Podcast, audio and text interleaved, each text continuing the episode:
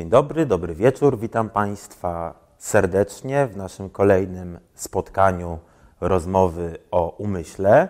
Dziś moim gościem jest doktor habilitowany Marcin Gorazda, z którym będę chciał porozmawiać o związkach ekonomii, e, nauk behawioralnych, nauk o umyśle, może nazwać szumnie umysłem ekonomicznym. E, Marcin jest między innymi autorem książki Filozofia ekonomii, w której właśnie te wątki się pojawiają. Cześć, witam Cię serdecznie. Witam Ciebie i witam wszystkich, którzy nas będą oglądać w przyszłości. Marcin, e, ekonomia kojarzy się z naukami społecznymi, kojarzy się no, z badaniem jakichś procesów, które, w których coś przepływa, to znaczy jakieś dobra przepływają, e, zmienia się alokacja dóbr, e, dzieje się coś. No, z ekonomią mamy przecież do czynienia, nawet jak nie jesteśmy ekonomistami, mamy z nią do czynienia na co dzień.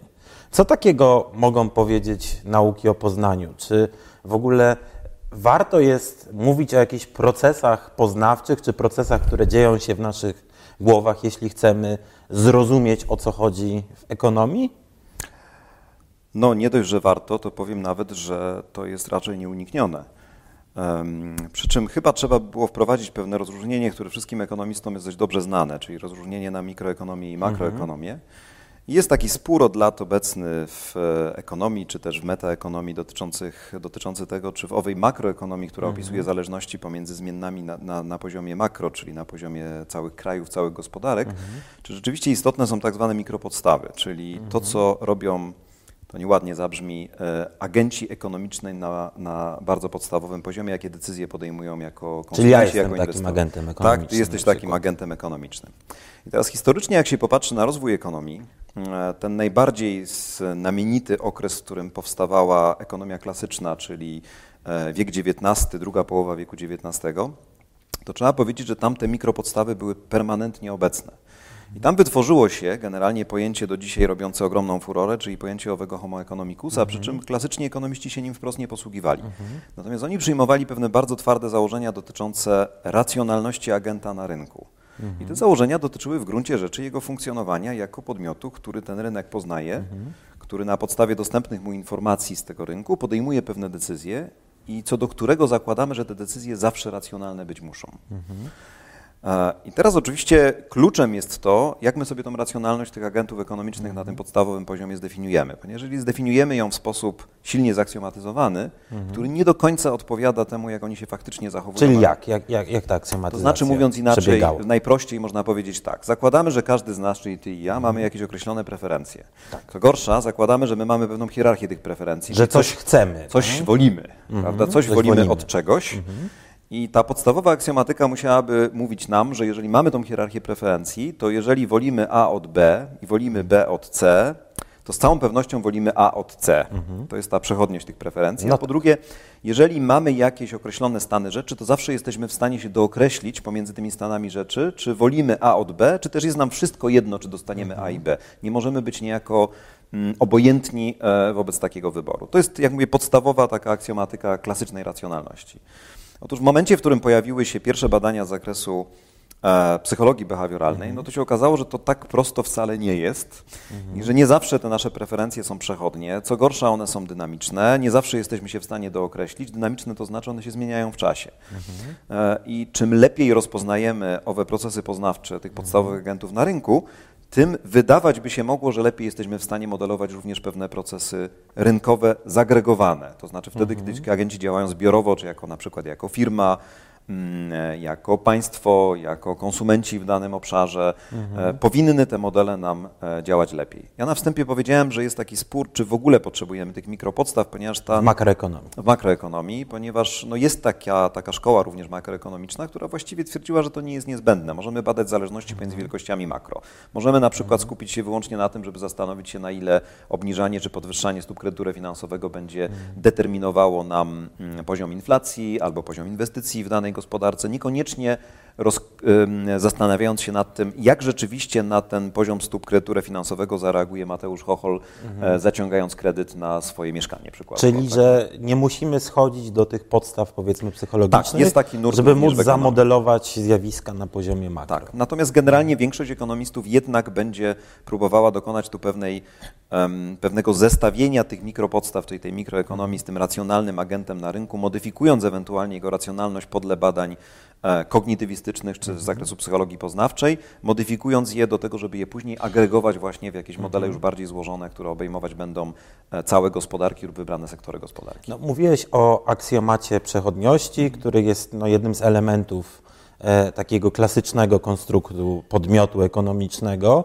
E, jakie są jeszcze te elementy, które zakładała implicite albo eksplicite klasyczna ekonomia? Co teraz się sądzi na temat tych założeń?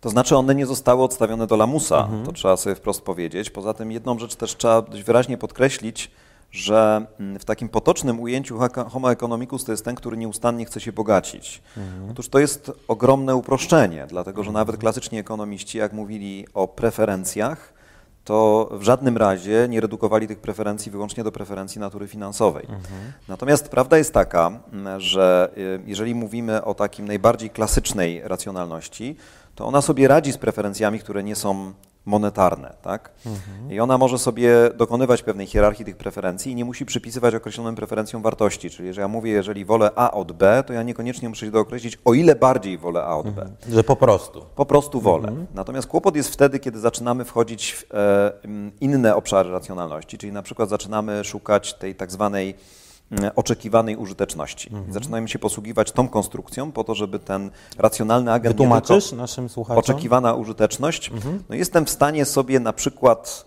um, e, policzyć, jaką wartość dla mnie w przyszłości będzie miało określone świadczenie, uwzględniając pod uwagę wartość tego świadczenia, dyskonto w czasie, czyli fakt, że mhm. ono jednak w czasie, czym bardziej jest odległe w przyszłości, tym ma dla mnie niższą mhm. wartość, ale do tego wszystkiego jeszcze jestem w stanie sobie wkomponować w to pewne ryzyko, czy to świadczenie mhm. się ziści, czy ono się nie ziści. No tak, bo działałem w warunkach niepewności. Dokładnie tak. Jeśli jestem Ci w stanie na przykład dzisiaj powiedzieć, Mateusz, e, możesz dokonać pewnego wyboru. Mhm. Albo dam Ci stówę na koniec naszego dzisiejszego mhm. tutaj spotkania, albo dam Ci 200 zł za rok i mhm. poproszę Cię, żebyś dokonał dzisiaj wyboru, czy mhm. wolisz stówę teraz, czy 200 zł za rok. Nie musisz na to pytanie odpowiadać, bo jako specjalista z zakresu kognitywistyki być może znasz paradoks to większość agentów w takim przypadku odpowie, że woli stówę Bierze teraz. Stówę od razu, oczywiście. Co oczywiście na dzień dobry jest sprzeczne z tą aksjomatyką racjonalności e, oczekiwanej, ponieważ no, mhm. żadna stopa dyskonta nie uzasadniałaby tego, tak. żeby mm, odraczać sobie w czasie uzyskanie 200 zł w sytuacji, w której 100 miałbym otrzymać teraz. Natomiast na to nakłada się oczywiście nasze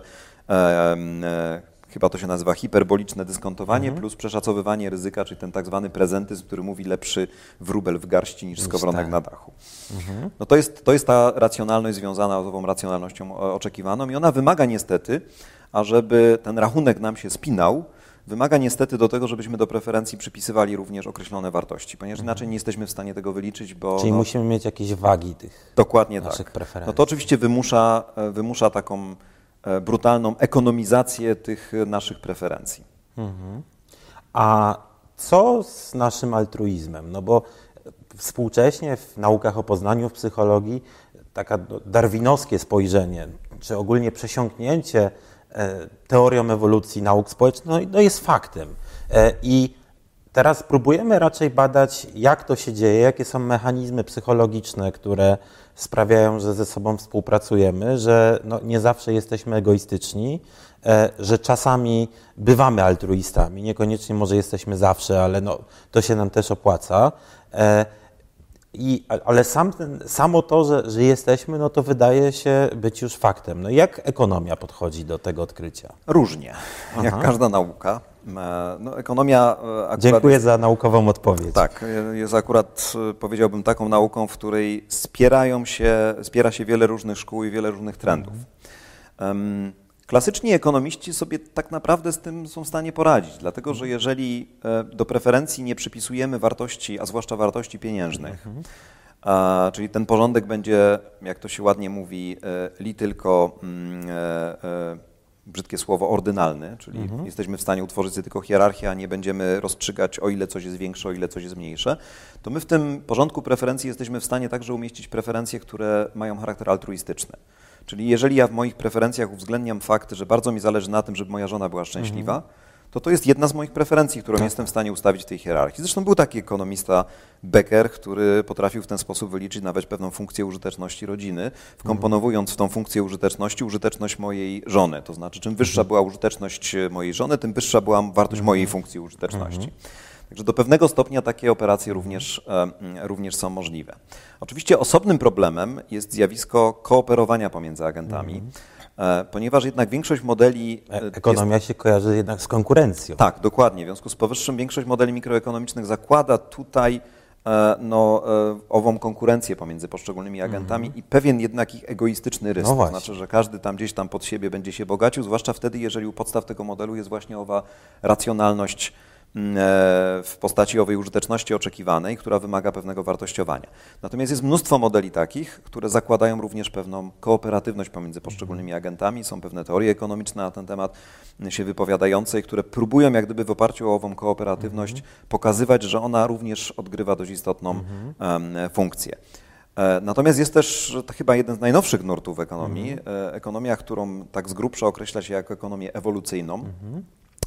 E, ja się tu posłużę pojęciem, którego tego ekonomiści, ekonomiści nie używają, mhm. ale zaczerpnąłem go od naszego sympatycznego kolegi profesora Broszka. On mianowicie o. mówił o tak zwanej racjonalności ekologicznej. Mhm. Racjonalność ekologiczna, która wykształca się na skutek um, um, określania, czy dany wzorzec na przestrzeni pokoleń okazał się, czy nie okazał się adaptacyjny. Mhm. I owa racjonalność ekologiczna może prowadzić do tego, że z punktu widzenia jednostkowego agenta podejmuje on działania, które wydają mhm. się być kontrskuteczne ze względu na jego własną użyteczność, natomiast są one podporządkowane pewnemu interesowi populacji. To znaczy ta, ten jego wzorzec zachowań w jakiejś tam perspektywie czasowej, jak też historycznie, przyniósł korzyść całej populacji w postaci jej rozprzestrzeniania się. I takie modele w ekonomii również się robi. Takim ekonomistą jest znany ekonometryk Andrew Law, który mhm. opracował podobne modele na potrzeby na przykład e, funduszy hedgingowych, mhm. gdzie pokazał, że te wzorce zachowań, które się tam kształtują, ich kopiowanie, imitacja tych wzorców zachowań oraz ich dostosowywanie do środowiska, które w danym momencie działa, dokładnie spełnia funkcję owej racjonalności ekologicznej. Mhm. Wszystko to, o czym mówimy, to nie są, przynajmniej z mojego takiego punktu widzenia, z punktu widzenia laika, wydaje się, że to nie są jakieś obrzeża ekonomii, no bo przecież Kahneman dostał Nobla z ekonomii. E, jakby nie była, był psychologiem. Ostatnio też całkiem niedawno jeszcze Nagroda Nobla właśnie dla ekonomisty behawioralnego. Czy jesteś w stanie powiedzieć e, coś o tych badaniach i no, niektórzy twierdzą, że to jest pewien nurt proroczy, który może zmienić świat ekonomiczny, który może zmienić myślenie o kapitale, przepływach kapitału i tak dalej.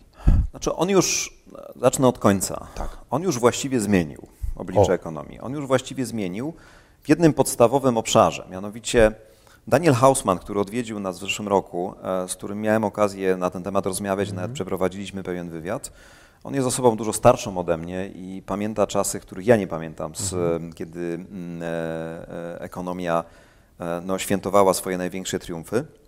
I on mówił, że to, co się zmieniło na przestrzeni ostatnich 30-40 lat, czyli mniej więcej to się zbiega w czasie z początkami takich badań z zakresu behawioralnych e, nad, nad ekonomią. To, co się zmieniło, to jest ogromne uempirycznienie nauk mhm. ekonomicznych. To znaczy mało kto w tej chwili chyba ma świadomość, że ekonomia w latach 60., 70. była skrajnie nauką teoretyczną, mhm. w której tworzono bardzo skomplikowane modele równowagi rynkowej w oparciu jeszcze o koncepcję Valera z początku XX wieku. Natomiast stosunkowo niewiele było badań, które potrafiłyby te modele sfalsyfikować. Natomiast przez ostatnie 30-40 lat tych badań empirycznych jest naprawdę bardzo dużo i to niekoniecznie oznacza, że one wszystkie są oparte na jakichś modelach behawioralnych, bo to nie w tym rzecz. To chodzi też o to, żeby testować empirycznie, na ile pewne modele z zakresu makroekonomii rzeczywiście się potwierdzają w pewnych zdarzeniach makroekonomicznych, które jesteśmy w stanie e, obserwować. Natomiast mm, e, jeśli chodzi o ową mainstreamowość mhm. i heterodoksyjność ekonomii, to oczywiście ten podział cały czas funkcjonuje. Mhm. I to, co się wykłada w tej chwili na uczelniach ekonomicznych, to jest w znacznej części jednak um, ekonomia, którą chyba mogę określić jako neoklasyczną, plus w obszarze makroekonomii jakiś, e, jakiś keynesizm, neokeynesizm mhm. i różnego rodzaju mm, połączenie tych szkół. E, jednak wszystkie te nurty poboczne, właśnie takie jak ekonomia behawioralna czy ekonomia ewolucyjna, traktowane są jako pewnego rodzaju heterodoksja. Oczywiście w tym względzie jest pewien spór, bo e, tutaj pamiętam ostatnio omawialiśmy jakiś tekst z zakresu właśnie mm, podziału tej, tej, tych szkół ekonomicznych na owe mainstreamowe i heterodoksyjne, no i nagle ze zdziwieniem okazało się, że ekonomia austriacka już e, traktowana jest na przykład jako część ekonomii mainstreamowej. Ona oczywiście historycznie o. jest bardzo stara, tak. ale prawda jest taka, że Austriacy zawsze plasowali się nieco na uboczu i uważali się za takich outsiderów nieco w zakresie swojej myśli mm, e, ekonomicznej. Sądzę tak zupełnie osobiście, że tutaj będzie jakaś forma eklektyzmu, to znaczy mhm. te szkoły się wzajemnie będą przenikały, one już się przenikają i ci współcześni ekonomiści, laureaci nagród e, Nobla bardzo często myślą i behawioralnie, i mainstreamowo. Takim przykładem zresztą był Robert Frank, którego gościliśmy mhm. w tym roku, który ma mnóstwo publikacji obejmujących właśnie owe aspekty działania agentów na rynku, które związane są z funkcjonowaniem ich systemu tak. poznawczego. Tak. A czy studenci ekonomii uczą się psychologii, neuronauki i tego typu podobnych rzeczy na świecie? Czy to jest jednak coś, co dzieje się no, wśród jakiejś wąskiej grupy ekspertów i później rozprzestrzenia się na innych badaczy? Znaczy, ja uczciwie powiem, że nie bardzo potrafię odpowiedzieć na to mhm. pytanie, ponieważ ja specjalistą z zakresu programu edukacji mhm. ani w Polsce, ani na świecie nie jestem. W Polsce wątpię jednak mhm. mimo wszystko. Jeżeli takie przedmioty są wykładane, to pewnie fakultatywnie raczej, mhm. znaczy do wyboru przez Jasne. studentów. Same podręczniki z zakresu ekonomii raczej szczątkowo zawierają tego typu um, wiedzę. Znaczy dokładnie nie mhm. tyle wiedzę z zakresu eksperymentów z ekonomii behawioralnej, bo ona jest wykładana, tylko tak. trochę pogłębioną wiedzę z zakresu psychologii poznawczej, czy też z zakresu neuronauk, to mhm. raczej nie to nie ten mhm. kierunek. Natomiast jak to na świecie wygląda, to prawdę mówiąc nie wiem. Bo pytam dlatego, że jeśli coś jest w podręcznikach i jakieś pokolenie e, przyszłych ekonomistów z tego się uczy, to dopiero jest moment, kiedy ta wiedza może wejść jakby pod strzechy, prawda? No tak, to oczywiście byłby, byłoby pytanie dla tych, którzy są twórcami jakichś Jasne. programów nauczania pod tym względem ekonomii na uniwersytetach ale to wcale nie jest takie proste, dlatego że duża część tych koncepcji, które nawet określilibyśmy jako heterodoksyjne, no one są dość kontrowersyjne. No, mhm. Także jak się jakiś mainstream ustalił, to może nie do końca jest tak źle, że ten mainstream na dzień dzisiejszy jest wykładany, a traktujemy trochę te nowe szkoły ekonomiczne jako coś, co studenci fakultatywnie sobie mogą wybrać. Mm, tym bardziej, jak mówię, że tutaj no, dużo ekonomistów pozostaje w dość istotnym sporze pomiędzy sobą wzajemnie, co do mhm. tego, które spośród tych teorii są lepsze, gorsze, z jakiego punktu widzenia no, naprawdę trudno byłoby tu jakiś kanon ustalić. Mhm. Każdy miałby swoje wyobrażenie. Ostatnio odwiedziła nas amerykańska ekonomistka Deidre McCloskey. No, jak usłyszałem jej pomysł na program nauczania e, w tym zakresie, to mnie to trochę zaskoczyło. No, jak ona, to wygląda? No, chętnie włożyłaby tam jak najwięcej filozofii i nauk humanistycznych. Więc, o proszę. Tak, no to jest dość, dość Czyli, że jednak odwrotnie. Tak, no ona też ma inne, inny, inny, że tak powiem, background, ponieważ tak. no, sama jest, oprócz tego, że jest ekonomistką, historią myśli ekonomicznej, historykiem myśli ekonomicznej, to też zajmowała się literaturą angielską i filozofią. No. No. Ale ekonomiści słyną często z bardzo wszechstronnych horyzontów intelektualnych. Tak? No, gdy popatrzymy na, na, na, wiele osób, gdy popatrzymy na przykład na Keynesa, no, Keynes był człowiekiem niezwykle wszechstronnie, jakby nie było wykształconym, interesującym się nie tylko historią, socjologią, ale te, też humanistyką. Znaczy, po pierwsze chyba trzeba powiedzieć, że w ogóle jeżeli mówimy o ekonomistach, których jak gdyby ten szczytowy okres twórczości przypadł na lata 30, 40, mm -hmm. no to to był jeszcze ten moment, w którym ekonomia bardzo silnie była związana z naukami humanistycznymi. Mm -hmm. Niektórzy dość tęsknie ten okres wspominają, uznając, że w ogóle coś strasznego się stało, że się ekonomia zmatematyzowała i odorwała od tego mhm. backgroundu mm, humanistycznego. Także to dotyczy Keynesa, Hayeka osobliwie pewnie, -hmm. dlatego że to w ogóle był bardziej filozof chyba niż ekonomista. Natomiast jeżeli miałbym dokonać pewnego ogólnienia, no to Mateusz, chyba w każdej dziedzinie wiedzy jest tak, że jeżeli ktoś jest wybitny, mhm. to nie tylko jest wybitny w tej dziedzinie, ale też czyta maksymalnie szeroko Jasne. i stara się być maksymalnie szeroko wykształcony. Natomiast jak popatrzymy na jakąś, nazwijmy to przeciętną, to przepraszam, pozwolę sobie na anegdotę, jak w Narodowym Banku Polskim odwiedził nas Uskali Maki, to jest filozof ekonomii z Helsinek, i zrobił nam wykład na temat e, modeli w ekonomii, taki metaekonomiczny, mhm. filozoficzny wykład, to gdzieś po drodze usłyszałem komentarz dwóch panów e, mm, ekonomistów bazujących na modelach DSGE mhm. w Narodowym Banku Polskim, że po 15 minutach wykładu oni powiedzieli, że w ogóle nie wiedzą o czym on mówi, że szkoda tutaj czas tracić, lepiej byłoby wyjść z tego wykładu. Moje mniemanie było jednak lepsze. A porozmawiajmy jeszcze na koniec o jednej kwestii, bo tutaj to słowo się pojawiało wielokrotnie. W Twojej wypowiedzi e, ostatniej też zresztą, to słowo to jest matematyka. E, no, dzisiaj sądzimy, że żeby jakaś dziedzina wiedzy by była dziedziną wiedzy, którą możemy nazwać naukową, no to matematyka musi być. E, gdzie ta matematyka wkracza do ekonomii? Jakie są zastosowania matematyki, jakie są granice matematyzacji naszych zachowań. Trzeba by było raczej zadać pytanie, gdzie ona nie wkracza Aha. w ekonomii. To byłoby pytanie, na które trudno byłoby mhm. odpowiedzieć. No Czyli może, matematyka jest wszędzie. no, ekonomia jest nauką, która jest nieprawdopodobnie zmatematyzowana. To mówię, to jest nawet rzecz, na, co do której duża część ekonomistów trochę ubolewa nad tym, że przed pryzmat modeli matematycznych, czy też w ogóle matematyzacji tej ekonomii, gdzieś utraciliśmy związek ekonomii jako nauki społecznej z tą mm. elementem społecznym, z elementem politycznym w ogóle, bo przecież to jest nauka związana poniekąd z polityką. Um, nauka moralna, no normatywna przecież wiąże się z odpowiedziami na podstawowe pytania, po co to wszystko, do czego my mhm. dążymy, jaki mamy cel polityki publicznej. Gdzieś te wątki nam znikły troszeczkę, a ta ekonomia stała się maksymalnie zmatematyzowana.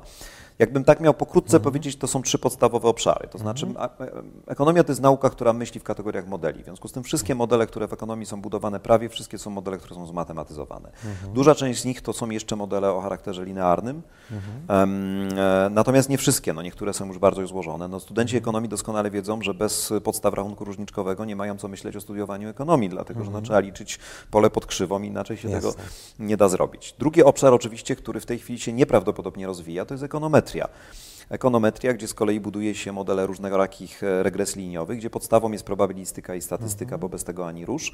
No i jest ekonometrii, z której poniekąd wywodzi się bardzo modne dzisiaj big data, no bo to jest nic innego jak przekopywanie się przez stosy danych i próby wyłapywania z niej albo korelacji, albo jakiejś grandeur przyczynowości.